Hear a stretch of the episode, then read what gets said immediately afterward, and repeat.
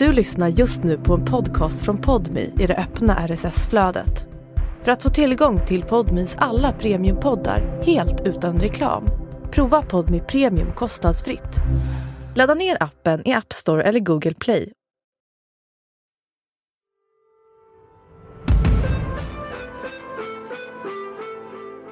Polisanmälningar om koppleri och människohandel för sexuella ändamål ökar i Sverige. Anmälningarna när det gäller köp av sexuell tjänst har ökat kraftigt i Sverige under pandemin. Kunder erbjöd sexuella tjänster i samband med thaimassage. Och då dök det upp att den här salongen den är den värsta i Stockholm. Här säljs det mest sex och de har flest kunder. Det var jättemånga kunder som vände i dörren till och med för att det var fullt liksom. I en källarvåning på rika Östermalm säljs sexuella tjänster under täckmantel av en thai-massagesalong. I lokalen hittas spår av blod, avföring och sperma. Det var unga killar, det var äldre män. Det var, minst någon som hade en eh, käpp som han gick med när han gick in på salongen. Kompisgäng som kom dit tillsammans. Och så höll det på från att vi kom dit tills att salongen stängde. Jag, jag har faktiskt ingen bra förklaring för det. Eh, jag förstår att det, liksom, det ser eh, inkriminerande ut. Eh. Nej, nej, jag har inte gjort det. Nej, nej jag är säker. Jag kan. Jag är, nej, nej, nej. Men, men märkte du av att det såldes sex på den här salongen? Polisen menar ju att 90% av kunderna som var där köpte sex. Inte jag, men jag märkte på ä, ä, ägaren.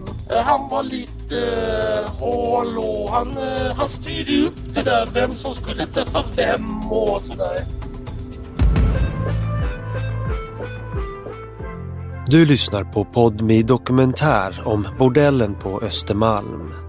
En serie i tre delar om en massagesalong dit tusentals män väller in för att köpa sex på smutsiga madrasser. Och om polisens hemliga operation mot en verksamhet som kommer att beskrivas som en av de värsta i sitt slag. Jag heter Elias Krantz och det här är första delen.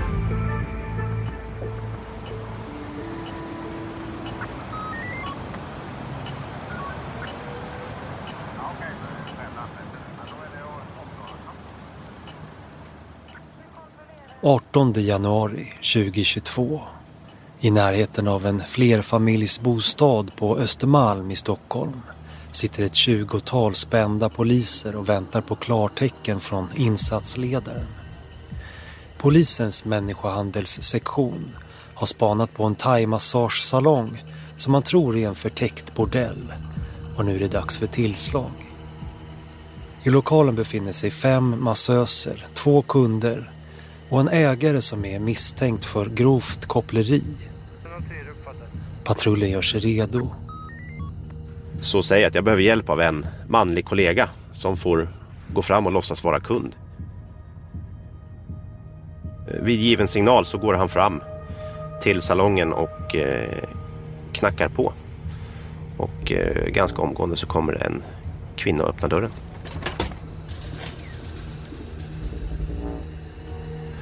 Och när han kliver in så då är, står insatsstyrkan bara runt hörnet och, och, och springer in efter honom.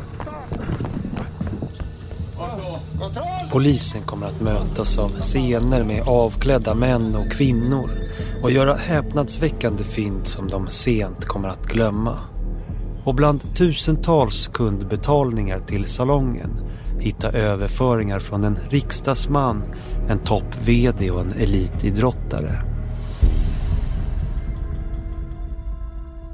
Razzian på Östermalm i Stockholm är kulmen av ett noggrant polisiärt arbete som i hemlighet har pågått i månader under en tid då ett nytt och obotligt virus skakar världen.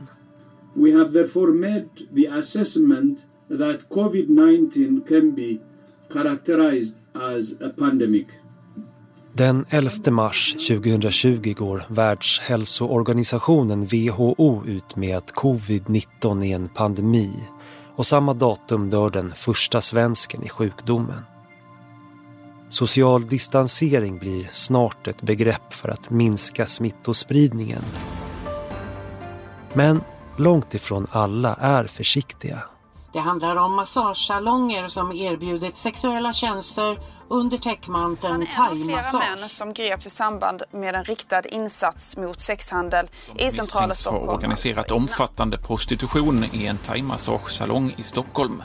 Verksamheten har dragit in I början när det infördes restriktioner under pandemin så märkte vi att det gick ner just eh, avseende sexköp.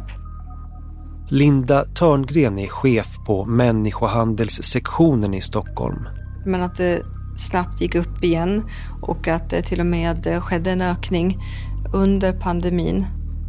Det är en avdelning hos polisen med omkring 40 medarbetare som jobbar mot bland annat trafficking, sexköp och koppleri. De länder där det är tillåtet att sälja sex, där stängde det ner. Eh, Det eh, blev en mer markant skillnad där, att det gick inte att sälja sexuella tjänster. Men i Sverige fortgår sexhandeln. Eh, Så hit kan man fortfarande föra kvinnorna så att de får befinna sig på hotellrum, i lägenheter, på salonger. Ett av de ärenden som polisen jobbar med under pandemin har kodnamnet Operation Da Vinci. Da Vinci var ju en kvinna, hon hade tre salonger som hon drev eh, och var väl mest på en av dem men hon, alla tre hade hon och i slutet av ärendet så var hon på gång att öppna den fjärde till och med. Lindas kollega på människohandelssektionen, polis Daniel Spolén, är vid den här tiden en av fallets utredare. Och eh, det, det var ju en fasad av thaimassage som såldes men eh, det var ju sexuella tjänster som tillhandahölls på salongen. Under våren 2021 avlyssnar man i hemlighet den så kallade bordellmamman. En thailändsk kvinna som senare ska dömas för grovt koppleri, förberedelse till koppleri och bokföringsbrott. Men nu kommer det plötsligt fram intressanta uppgifter om något annat. Det här är ju den värsta, inte bara i, i Stockholm utan hela Sverige och kanske Norden och sådana ord använder de. Det visar sig att bordellmamman skvallrar med en väninna om en thaimassagesalong som heter Bon Po. De påstod att det då var 50 kunder varje dag och varje massös kunde få alltså, åtta omgångar, vilket vi tolkar i alla fall som att de sålde sex, åtta gånger per dag varje massös. Polisen spetsar öronen och hör hur kvinnorna pratar om hur ägarinnan, Fai, har blivit rik på att pressa ner priserna för att få fler kunder och om massöser som får sparken om de vägrar sälja sex. Det de även nämnde som såklart intresserade oss var att de skulle ha kvinnor utan uppehållstillstånd i Sverige. Och det är ju en mycket större utsatthet så det är klart, ska vi välja ett ärende, för vi kan inte jobba mot alla, så vill vi ju ta mot dem där kvinnorna har det värst, under värst förhållande för att förhindra det. I mars 2021 lämnar utredare Daniel Spolén in en brottsmisstanke om FAI till människohandelssektionen. Vad är det egentligen som pågår på thai-massagesalong Bon Po? Och vi har ju egentligen inte vem ägaren är utan vi har ett namn på en salong och de pratar även om en adress och det är väl så det börjar. Polisen öppnar nu upp ett nytt ärende. De ger fallet namnet Operation Mirja.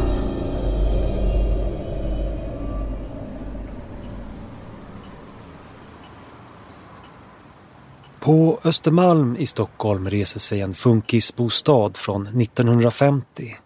Fastigheten i Rosa Puts har 38 hyreslägenheter och ligger i ett relativt lugnt kvarter. Men de senaste åren har något hänt som får de boende att snacka. Eh, konstigt att det bara var manliga besökare, det har jag tänkt. För jag hade aldrig sett en kvinna gå in eller ut där.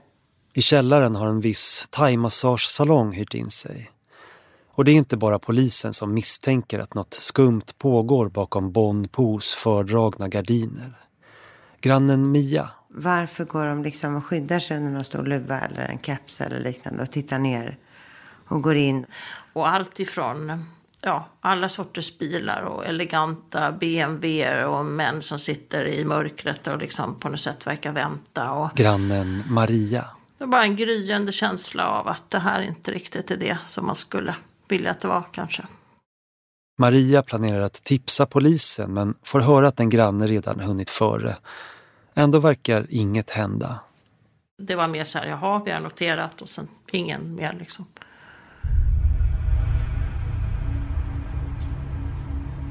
Men vad grannarna inte känner till är att polisen redan har inlett operation Miriam och börjat spana på salongen.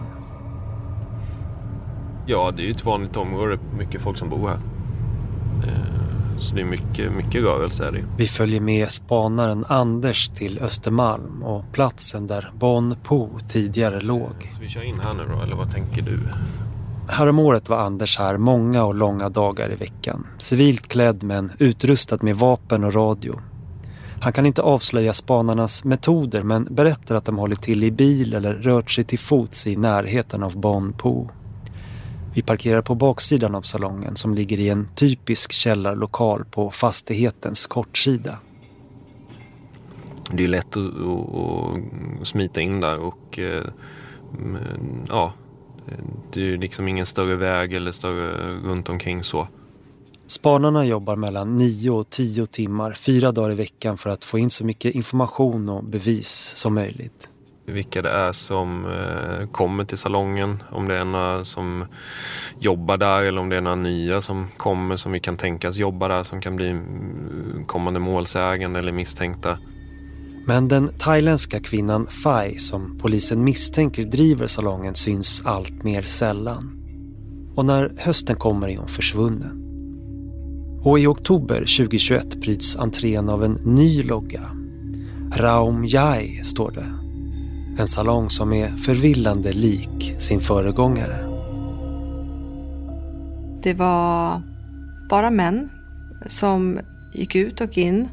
Det var unga killar. Det var äldre män. Det var minst någon som hade en eh, käpp som han gick med när han gick in på salongen. Linda Törngren, chef på människohandelssektionen, är med spanarna ute på ett pass för att få en bättre uppfattning av situationen och spaningsarbetet. Det var eh, kompisgäng som kom dit tillsammans. Och så höll det på från att vi kom dit tills att salongen stängde. Det var ju mellan 25 och 40 kunder per dag. Anders från polisens spaningsgrupp ser hur män till och med måste vända i dörren för att det är fullt. Men själva massöserna får de sällan en skymt av. Vi såg att eh, salongen släcktes ner och ingen lämnade salongen. Och sen när vi påbörjade spaningen dagen efter och, eh, så såg vi då att det tändes upp inifrån eh, salongen och ingen hade kommit dit. Daniel Spolén, utredare. Vi fick ju en känsla av att någon bodde där. Om det beror på att de inte har någonstans att bo eller om det är för att vakta salongen. Det är ju svårt att säga men vi fick ju en känsla av att det här stämde i alla fall.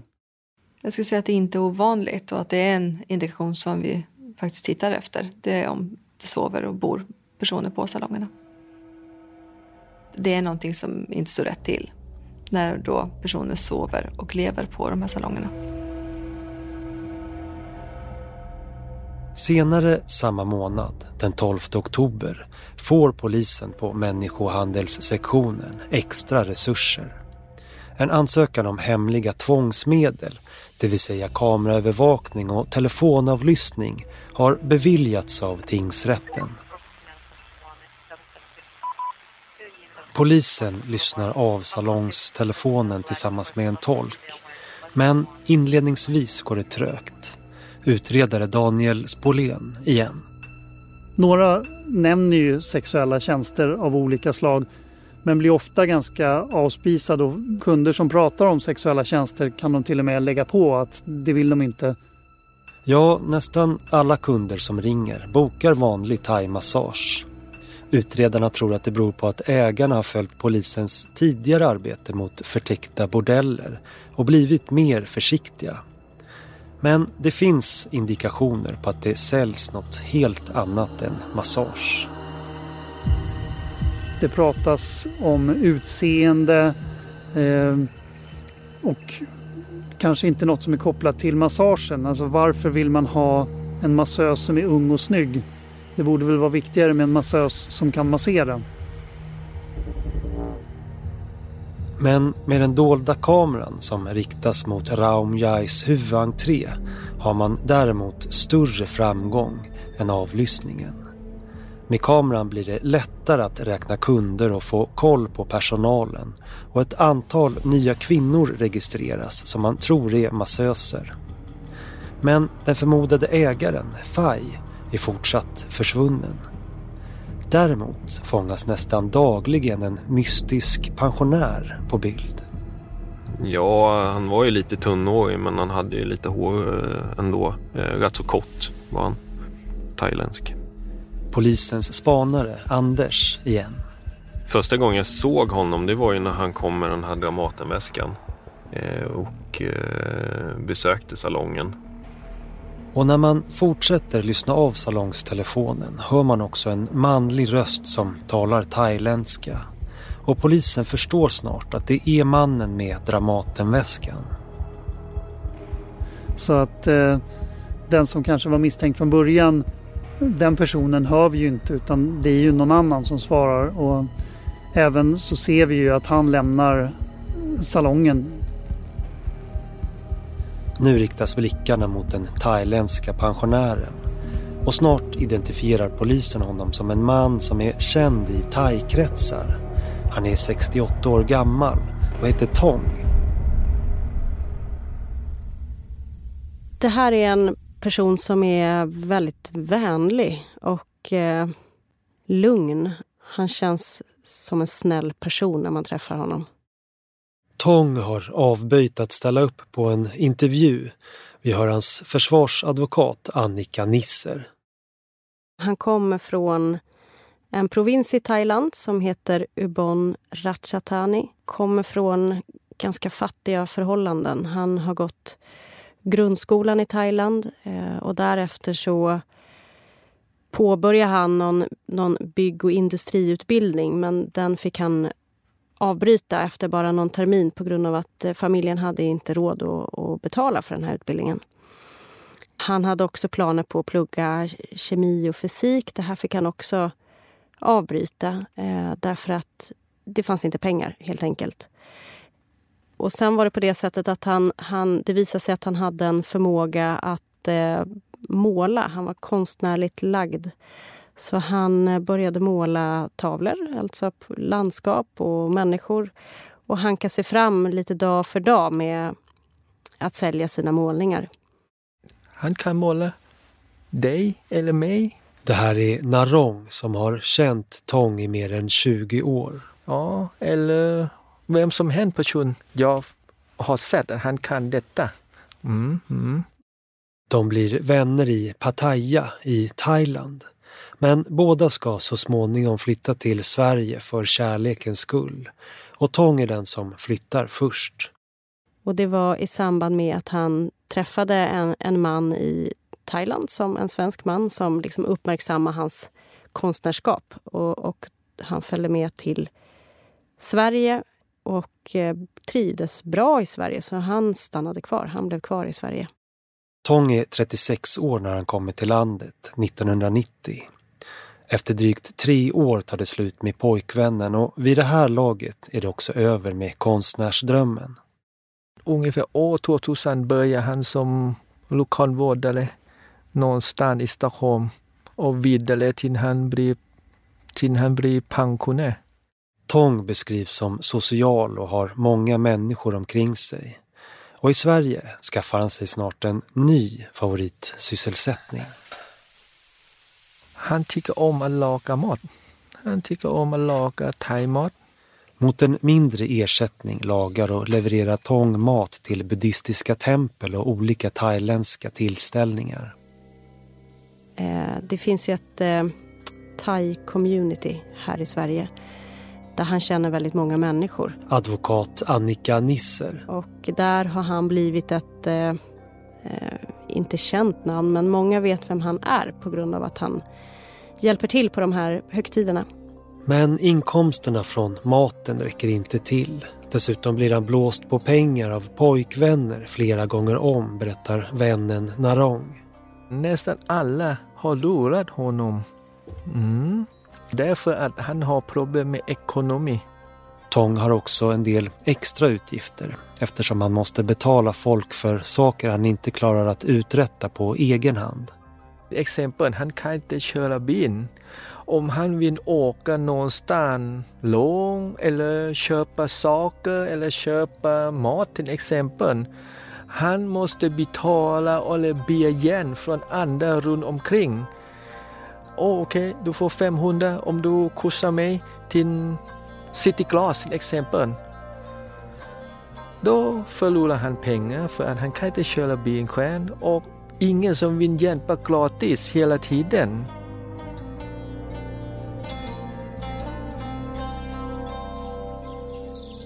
Sommaren 2021 är Tong 67 år gammal och skulderna till Kronofogden växer. Han vräks från sin lägenhet efter flera varningar och bor nu inneboende i en trea som delas med tre andra. Men så uppenbarar sig en ljusning. I samband med att han har hjälpt till på de här högtiderna i templen så har han, då har han lagat väldigt mycket mat och den maten har blivit väldigt uppskattad och det har gjort att han har fått leverera mat till massagesalonger en av de thaimassagesalonger som han levererar mat till heter Bon Po och ligger på Östermalm. I cirka tre år har den drivits av Fai, en thailändsk kvinna i 45-årsåldern som han lärt känna lite. Och nu har hon en förfrågan. Eh, hon ställer frågan till honom om han kan tänka sig att ta över salongen därför att hon själv ska resa iväg. Tong ser en lösning på sina pengaproblem. Eh, så han tackar ja till det. Han tar ganska stora lån och köper in sig på, på halva salongen. Enligt Tongs försvarsadvokat Annika Nisser ska Tong och Fai driva salongen tillsammans. Men det är han som ska stå på kontraktet. Han skulle kliva in i hennes ställe eh, under tiden som hon var borta egentligen. Och sen så skulle ändå vinster delas lika mellan eh, båda. Och den första oktober är Tong plötsligt ägare till en thai-massagesalong som nu byter namn till Raum Jai. Ja, den här misstänkte är ju lite unik genom att han är en man och att han är lite äldre Daniel Spolén, utredare på människohandelssektionen på polisen i Stockholm. Vi ser ju oftast att det är en kvinna som driver salongen. Oftast thailändska, i många fall masserar själv och i väldigt många fall säljer sexuella tjänster själv också. Han har inte heller någon erfarenhet av massagesalonger eller att bedriva verksamhet på det sättet sen tidigare. Tong kan knappt läsa eller skriva på svenska och har genom åren kämpat med sin privatekonomi. På Raum Jai tar han hjälp av massöserna med salongens pengar och pappersarbete. Hans roll på den här salongen är att sitta på övervåningen. Det här är en salong med två våningar. På övervåningen så är själva receptionen kan man säga där man kommer in och där befinner han sig hela tiden.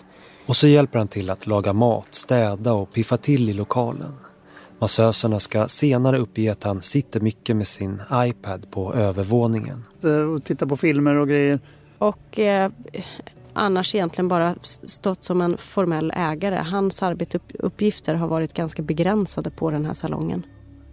Och det är alltså nu, i oktober 2021, som polisen identifierar Tong som ägaren av thai-massagesalongen. Att polisen bevakar Raum Jai med dold kamera och hemlig telefonavlyssning, det har Tong ingen aning om. Men i slutet av månaden när gränspolisen gör en av sina återkommande arbetsplatskontroller för att hitta personer som inte har arbetstillstånd och kanske inte får vara i Sverige, ja då blir salongens personal nojig. Det finns ju en oro om man inte, ja, om det finns någon typ av olagligheter i den verksamhet man driver. Snart efter arbetsplatskontrollen ser polisens spanare hur massöserna plockar ner den thailändska flaggan som fladdrar i vinden vid entrén och hur open-skylten i neon slutar lysa. de arbetsplatskontrollerna är ju helt öppna att det är polisen som kommer dit men de misstänker ju också att polisen kommer smygande och liksom tittar på verksamheten under tiden och bokar massager. Då. Men under hemlig telefonavlyssning hör utredarna hur Fai i Thailand säger till Tong att det inte finns någon anledning till oro. Tong är lugnad och redan på eftermiddagen samma dag öppnar Raum Jai igen. Jo, han berättade en gång att det var poliskontroll. Men det var ingenting. Han sa att allting är bra. Han hade inte förstått Eh, att polisen liksom hade ögonen på salongen. Utan han hade uppfattat det som att polisen har varit här, de har inte uppmärksammat något och nu kan vi gå vidare. Verksamheten återgår till det normala och salongens popularitet är stabil. Tong sitter på övervåningen medan massöserna håller till en trappa ner. Och vad som händer i de sex behandlingsrummen, som ofta är låsta, kan polisen ännu bara spekulera i. Vi tar del av ett dokument med uppgifter om salongens kunder och ringer några samtal för att få en bättre inblick i vad som egentligen har pågått i Raum Jais källare. Hej, jag heter Elias Krantz och jag jobbar som radiojournalist på ett produktionsbolag som heter SMT Radio. Men få kunder minns salongen. Jag kommer inte ihåg, jag har inte varit där. Jag vet en massageställe. Jag kommer knappt ihåg vad det låg för det var bara något jag hittade spontant på Google Maps när jag kollade. Uh, what is the name of that one? I absolutely don't remember. Men Tongs vän sedan mer än 20 år tillbaka, Narong, han kommer ihåg.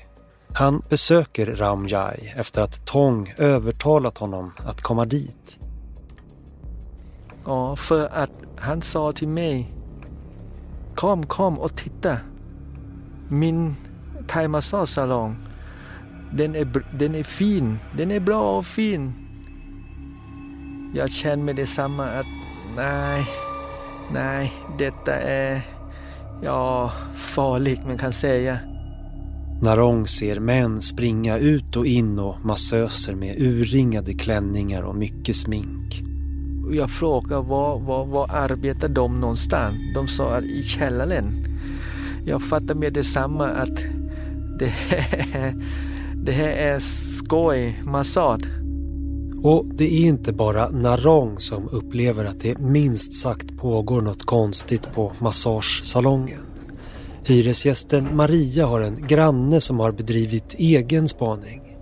Jag hade ju testat att ringa och boka tid och det fanns absolut inga tider och sen ringde hennes manliga kompis och då fanns det hur mycket tider som helst. Jag vet ju min äh, frus äh, väninna var här och skulle faktiskt gå ner och få en riktig massage hade hon tänkt sig. Och äh, blev då nästan ivägkörd. Vi hör hyresgästen Hans. Men eh, sen till slut och så tog de emot henne och det var ju ganska ömkligt för att då fick hon bli hänvisad till en madrass på golvet. Och själva behandlingen, hon hade då nacksmärtor och vill ha behandling, den var ganska dålig faktiskt. Så att man förstod att det inte här var några proffs på massage i den bemärkelsen. Men att massöserna inte verkar ha någon utbildning tycks inte vara något hinder för salongens kunder. Tong börjar däremot få nog nu. En känsla av vantrivsel har smugit sig på honom enligt försvarsadvokat Annika Nisser. Han känner sig gammal och trött och vill ha lugn och ro. Det är då när han upptäcker det här att det är mycket kunder, det är stökigt. Det är då han vill dra sig ur också. Vi har Tongs egna ord från rättegången via hans tolk. Jag ringde till chefen där i Thailand och sa till henne att jag klarar inte av det här. Liksom. Det här är för mycket för mig. Jag är för gammal för det här. Och det var inte särskilt uppskattat från hennes sida. Tong har stora lån kvar att betala tillbaka för köpet av Raum Jai. Han är fast med salongen.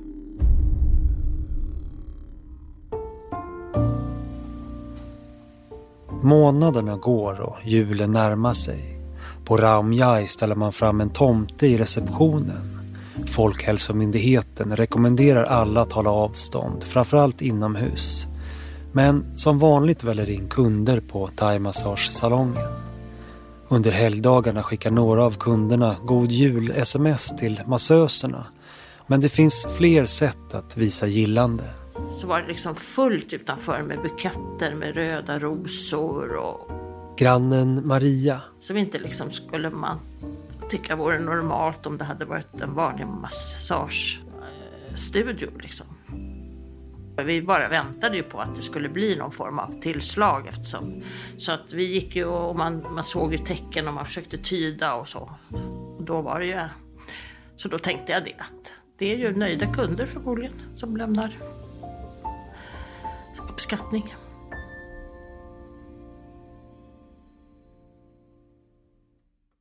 Samtidigt som Maria tyder tecken så fortsätter polisen med sin hemliga utredning. Under månaderna som gått har spanarna jobbat mellan 9 och 10 timmar, fyra dagar i veckan i flera månader. De har räknat kunder och besökslängd, kartlagt personal och spelat in telefonsamtal som tyder på att Tong känner till vad som händer i massagerummen. Men de behöver mer bevis. Eh, ja, men nu är vi utanför salongen så att säga. Vi hör Anders från polisens spaningsgrupp. Ja, det enda vi såg var ju entrén till salongen. Vi såg ju inte in i salongen eller någonting.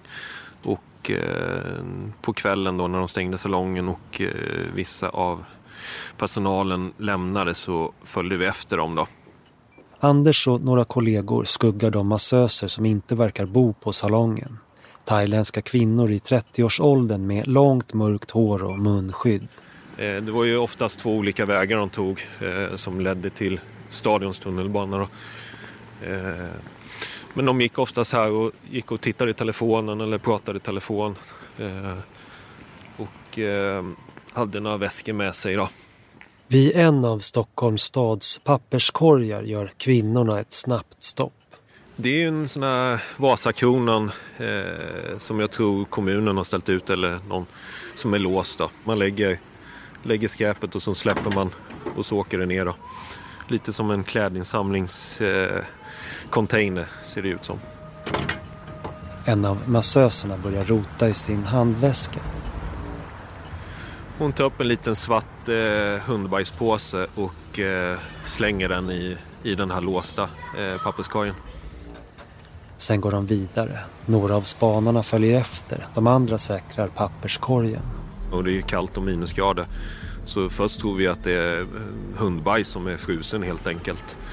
Eh, men eftersom vi såg och visste att hon hade slängt det så kollade vi igenom och ser att det, det är ju det är ju inte hundbajs utan det är ju frusna våtservetter. Och eh, när vi tinar upp dem då så ligger det använda kondomer i de här. Och spanarna hittar snart fler små svarta ihopknutna påsar nere vid tunnelbanestationens biljetthall. Påsar som kommer bli avgörande för polisens arbete. Det sitter ju papperskorgar var, ja, var 50 meter kanske. De väljer att gå förbi dem och sen eh, precis innan spärrarna i faten bara slänga de här hundbajspåsarna.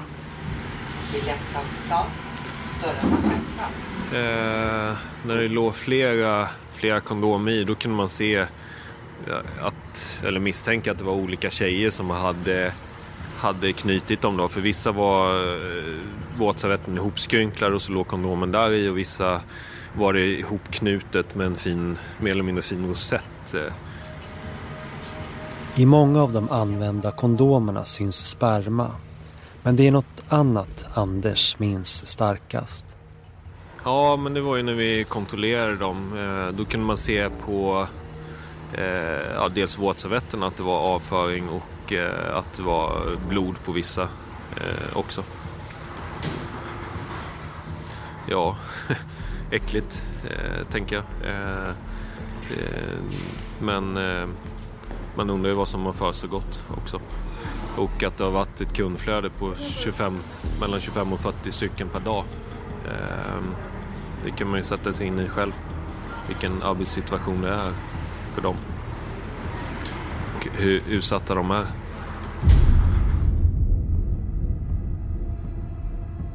Med kondomsamlingen har polisen nu tydliga bevis för att det säljs sex på salongen. Men bevisen till trots säger ingen av de kunder vi har kontaktat att de har misstänkt något. Men så får vi till slut tag på någon. Björn, en kille i 30-årsåldern, svarar.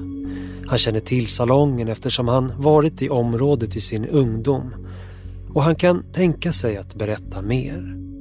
Vad var det för ställe du fick man vad erbjöd den för tjänster så att säga på, på det stället? Alltså officiellt så var det ju ja, som en vanlig salong. Mm. Och inofficiellt? Nej men jag tror att eh, de säljer sexuella tjänster. Många, inte bara den här.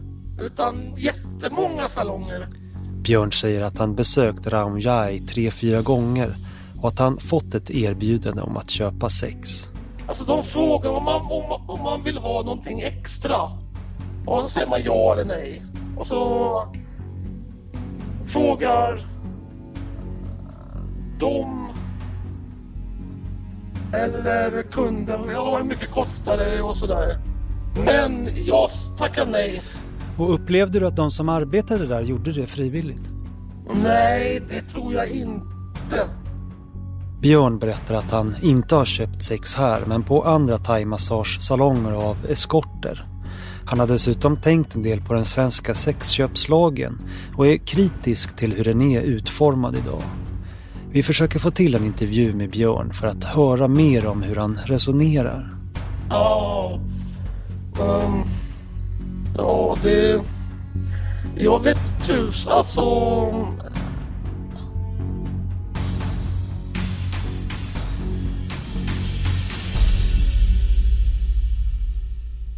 Björn tvekar om han ska ställa upp men går ändå med på att höras igen om några dagar. Tre månader har gått sedan Tong tog över Raum Jai. Men trots att han behöver pengarna för att betala skulder börjar han umgås med tankar om att dra sig ur enligt försvarsadvokat Annika Nisser. Och Narong som har känt Tong i mer än 20 år han har en dålig magkänsla och hoppas att Tong ska lämna verksamheten snart. Jag försöker att tala till honom försiktigt att detta är, är farligt. Han sa till mig, jag ansvarar bara massage. Om de som arbetar gör någonting annat mer än massage, det är inte jag som är ansvarig, sa han. Men jag sa, det är i alla fall det är du som står som är ansvar för hela, sången, hela salongen. De bara arbetar och tjänar pengar från dig. Och kanske finns en oro hos Tong att det här kan sluta illa. Han sa att han var med eh, ledaren hos polisen, sa han till mig. Han kände själv att någonting kommer hända. Men han hoppas bara att oj, jag klarar, jag klarar, jag klarar. Jag tror det. Han menar så. Mm.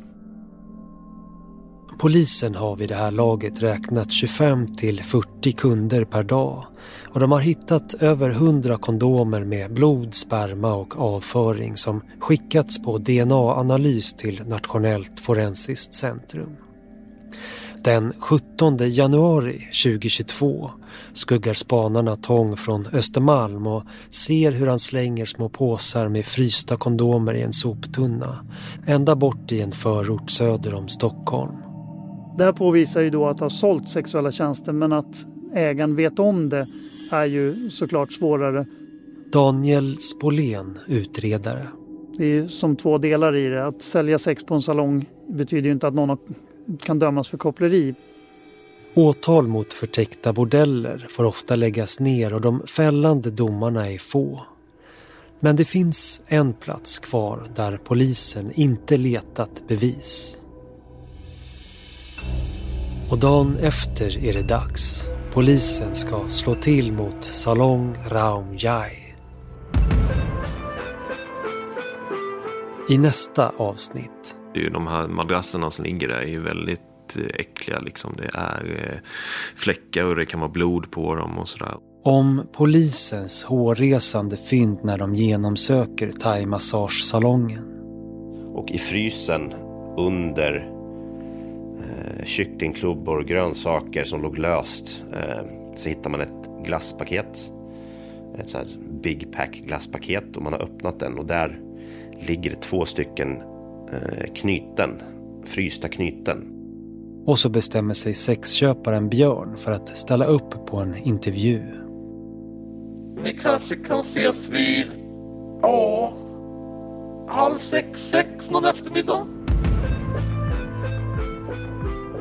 Du har lyssnat på första delen av Bordellen på Östermalm. En serie i tre delar.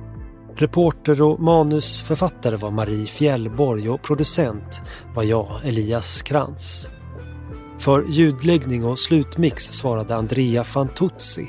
Exekutiv producent på SMT var Anna Iversen och exekutiv producent på Podmi, Emilia Melgar Arnheim.